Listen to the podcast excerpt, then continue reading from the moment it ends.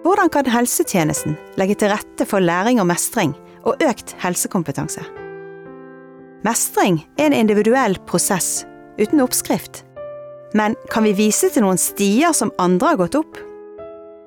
Velkommen til Spor av mestring, en podkast i regi av Nasjonal kompetansetjeneste for læring og mestring innen helse. Mitt navn er Hilde Blindheim Børve. Jeg er spesialrådgiver og har i mange år jobbet med pedagogikk i en helsekontekst. I første episode hørte vi Toril Hille Lokøen fortelle sin historie om livet med langvarige helseutfordringer og egne veier til mestring. I denne episoden snakker vi om hvordan en slik historie kan brukes som et erfaringsinnlegg på et lærings- og mestringstilbud. Toril, eh, hvordan kan en sånn erfaringshistorie fortelles?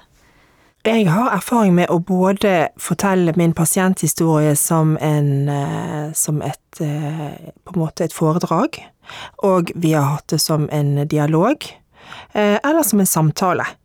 Ehm, for at jeg skal kunne ha det som en samtale eller dialog, så kjenner jeg at det, da må vi ha pratet godt sammen i forkant. For jeg må vite litt jeg, må, jeg kjenner jeg må ha litt oversikt over historien. Eh, så jeg foretrekker å holde min historie som et eh, foredrag, eh, frem til jeg er trygg på den personen som jeg samarbeider med. Handler det om at du ikke vet hva jeg kan stille deg av spørsmål eller komme med innspill? At ikke du er helt trygg på meg innledningsvis? Ja, det gjør nok det. For jeg tenker at um, min pasienthistorie er så personlig, og jeg kjenner at det er kanskje ikke alle dager jeg har ønske om å dele alt. Og, eh, og, alle spørsmål er ikke alltid greie å få. Og da tenker jeg at det er godt å, at jeg sjøl har kontrollen, så lenge jeg ikke kjenner så godt den personen som, eh, som skal stille meg spørsmål eller ha dialog med meg. Mm.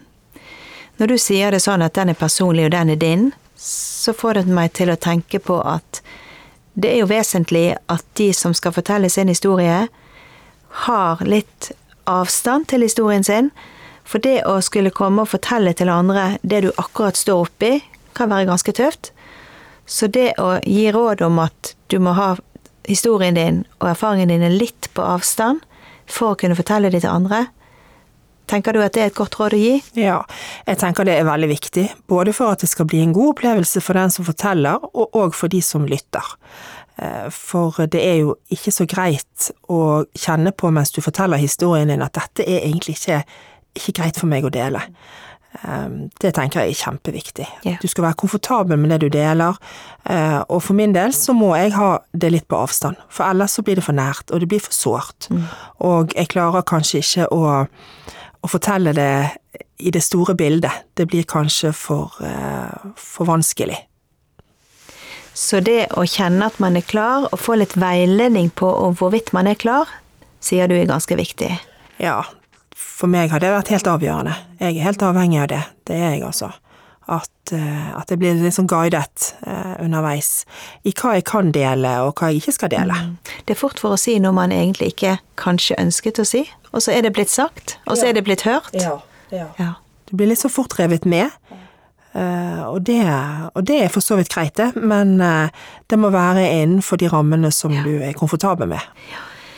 Hva tenker du er målet eller hensikten med å, å dele erfaringene dine, Toril? Jeg tenker at hvis det skal dele til, eh, til, medpasienter eller andre pasienter, så er jo det for å gi håp, og kanskje gi litt sånn gjenklang. At ja, dette kjenner jeg meg igjen i. Og jeg har tenkt òg at det er jo for å gi motivasjon til å kanskje være med på å gjøre de endringene som kanskje skal til for å få bedre dager, eller investere den tiden du må for å ta den behandlingen som er anbefalt. Mm. Ja. Det kan være store om omveltninger for mange, som de må gjennom. Ja. Store endringsprosesser som vil kreve mye. Men det å se at det hjalp deg, det fører frem, det kan være veldig vesentlig. Ja, jeg tenker det kan være veldig motiverende. Det motiverer i hvert fall meg når jeg snakker med andre som, eh, som har stått i noenlunde samme situasjon som jeg står i, og jeg, eh, de forteller meg at ja, jeg var der, og jeg, eh, jeg tror jeg skjønner hva du sier. Og så kan jeg se at jøss, dette her kan jo òg gå veldig bra. Og det gir jo en stor glede å få lov å være den personen òg. Du både sier det og du viser det med hele deg. Ja, det tenker jeg. Å få lov å være den. Og så møter jo pasienter masse behandlere i den prosessen med å få opplæring og veiledning i hvordan de skal leve livet med en diagnose. Men hva er det med ditt språk i forhold til eh, helsepersonell, Toril? Ja, jeg tenker jo at, at det å holde brukerinnlegg for helsepersonell eh, kan jo gjøre at, eh, at, de, at, helsepersonell får en større forståelse av hvordan det er å leve med sykdom, eh, når det på en måte blir så ærlig og direkte. Språket er jo helt avgjørende. Vi har jo forskjellige språk. Jeg har jo kanskje mitt pasientspråk, mens eh, du har mer fagspråk. Og det skal jo eh, vi møtes i, og forstå hverandre. Og det kan være godt for pasientene? Ja, det tenker jeg. Å møte noen med sitt språk? Det tenker jeg. Kanskje det er nettopp det som gir den gjenkjennelsen? Ja, det tror jeg nok. Ja. ja. Mm. Men du snakker òg av og til til eh, helsepersonell. Eh, hva tenker du målet da, Toril? Når du eh, forteller din historie til eh, fagpersoner, helsepersonell? Da tenker jeg at målet mitt er å, å, eh, gi litt sånn tips, kanskje, om hvordan jeg som pasient ønsker å bli møtt og ivaretatt. Hva som kan motivere meg, og hva som kan gjøre at jeg blir litt trist og lei. Kan du si litt om hvordan du tenker at en sånn historie eller et sånt innlegg kan bygges opp? For jeg tenker den den historien forteller du til ulike målgrupper, Toril. Av og til på pasientkurs, og av og til forteller du det til, til fagpersoner, helsepersonell. Men kan du si litt hvordan du bygger opp historien din? Eh, hva skal en sånn inneholde? Mm. Ja, jeg er med på det. Ja, jeg tenker at, uh, at det er jo Jeg ønsker jo Nå har jo jeg fått lov å fortelle historien min så mange ganger, så nå vet jeg litt hva jeg skal etterspørre. Uh, så når jeg skal fortelle til fagpersoner, så kjenner jeg at jeg er litt opptatt av å vite hva skal formålet være, hvorfor skal jeg fortelle historien min, og uh, så spisser jeg den ut ifra det, og jeg syns jo det er veldig kjekt, for da kan vi på en måte løfte opp enkelte ting som vi kan ha mer fokus på. For eksempel eh, dette opplevde jeg, men hva kunne vært gjort på en annen måte? Hva kunne jeg fått oppleve? Hva skulle jeg ønske jeg ble møtt med? Jeg ble møtt på den og den måten, tenk hvis jeg hadde blitt møtt annerledes, hva kunne det gjort? Og så kanskje eksempler på hva de kunne ha gjort, og det å da få høre at det kunne gjort en stor forskjell, den lille tingen Det kan være en aha-opplevelse for oss fagpersoner å lytte til. Ja, det tror jeg nok, og det erfarer jeg jo, at mange sier å ja, tenker du det? Ja, jeg tenker det, og da snakker jeg på vegne av meg. Eh, det er min erfaringshistorie og min eh, tanke om hva som hadde passet bedre å bli møtt med for meg. Og så i noen tilfeller kan jo det være ting som har blitt sagt og gjort i beste mening, som du tenker ble feil, mm. men igjen, dette var for deg. Mm. Eh, og da må man jo skille mellom var dette Toril, eller mm. var det oss pasienter? Veldig det skal viktig. vi komme litt tilbake til. Ja. Men hvis du snakker til pasienter og pårørende, Toril, ja. hva, hva, legger du vekt på i, når du skal fortelle historien din til den gruppen? Til pasienter og pårørende så tenker jeg at det er viktig å, å fortelle litt om bakgrunnen. Eh, hva, hvor begynte jeg?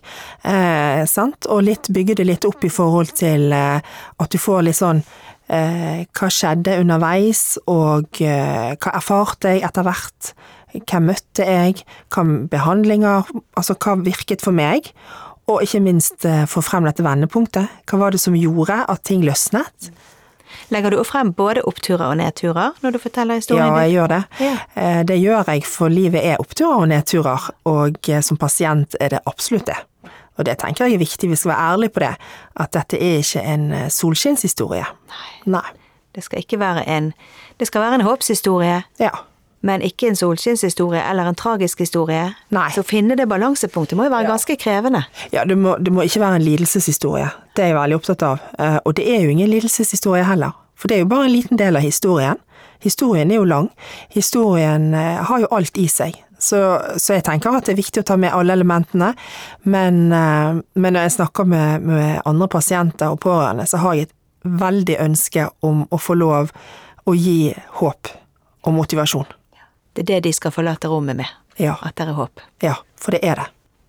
Det er det, ja. Hva tror du at brukerrepresentanter trenger for denne rollen du sitter og snakker om, det er ganske krevende. Mm. Du skal balansere, og du skal finne et vendepunkt, som du sier. Hva tror du de trenger? Altså, er det bare å be om et brukerinnlegg, og så skal skal erfarne brukere mestre denne rollen uten videre? Nei. Jeg, eh, jeg, vet hva jeg trengte. Jeg trengte veiledning. Eh, jeg trengte at eh, at jeg fikk vite treng, For min del så trengte jeg veldig å få vite hvem jeg skulle snakke til. Jeg trengte hjelp til å bygge opp historien min, og jeg trengte hjelp til å formidle den. Du innledet i sted med å si at du syntes det var mest behagelig å fortelle det som et foredrag, for da hadde du selv kontroll. Ja. Noen ganger så gjennomføres jo dette som et intervju, og mange brukerrepresentanter har sagt at det kjennes mye mer behagelig, for det å bare fortelle som et foredrag kan være ganske krevende for mange. Men hvis jeg intervjuer, så kjenner de seg mer bekvem. Samtidig så sier du at det kan være litt skummelt å bli intervjuet når du ikke kjenner den som intervjuer deg, for da vet ikke du helt hva som vil komme. Ja, det er riktig, det. Eh, så mange har etterspurt å få vite hva jeg vil spørre om, kan det gjøre en forskjell? Ja, jeg tenker det gjør en stor forskjell å være forberedt på spørsmålene, og så tenker jeg at eh, det er veldig viktig å bruke tid i forkant. Eh, prate godt sammen og eh, ha en sånn ja, en god, god, åpen kommunikasjon mellom meg som brukerrepresentant og deg som fagperson. Mm. Sånn at vi blir trygge på hverandre og trygge på, på, på det vi skal snakke om. Ja. Så det kan òg være en, en krevende rolle å være den som inviterer til et erfaringsinnlegg, for det er livet du skal snakke om. Ja, det og det må vi som inviterer inn, ha stor respekt for, og bidra til å begrense disse rammene i forhold til hva man skal si og ikke skal si, hva man skal etterspørre og ikke etterspørre. Mm, ja. ja, vel, jeg tenker det er viktig òg å snakke om hva vi ikke skal dele. Det tenker jeg er vel så viktig som å snakke om alt som skal deles. Mm. For um, det som jeg deler, det vil gjerne bli gjenfortalt. Det er en viss fare for det? Ja, det, og kanskje ikke bare en fare, men òg en mulighet for det. Ja. For det kan være bra ting, men det kan òg være gjenfortalt ting som jeg egentlig ikke burde sagt, men som jeg sa der og da. Um, og det må tåles å høres på både bussen og andre steder. Mm. Så det trenger man påminning og hjelp og veiledning til å være observant på? Absolutt. Absolutt. Og som brukerrepresentant så er det litt sånn Du vet, du har så lyst å gjøre det riktige, sant? Og eh, kanskje du føler at du må by mer på. Eh, og da er det godt å ha en trygg fagperson som eh, er flink og hjelper til å sette rammene. Takk for at du deler av dine erfaringer, Toril. På gjenhør til nye samtaler om spor av mestring.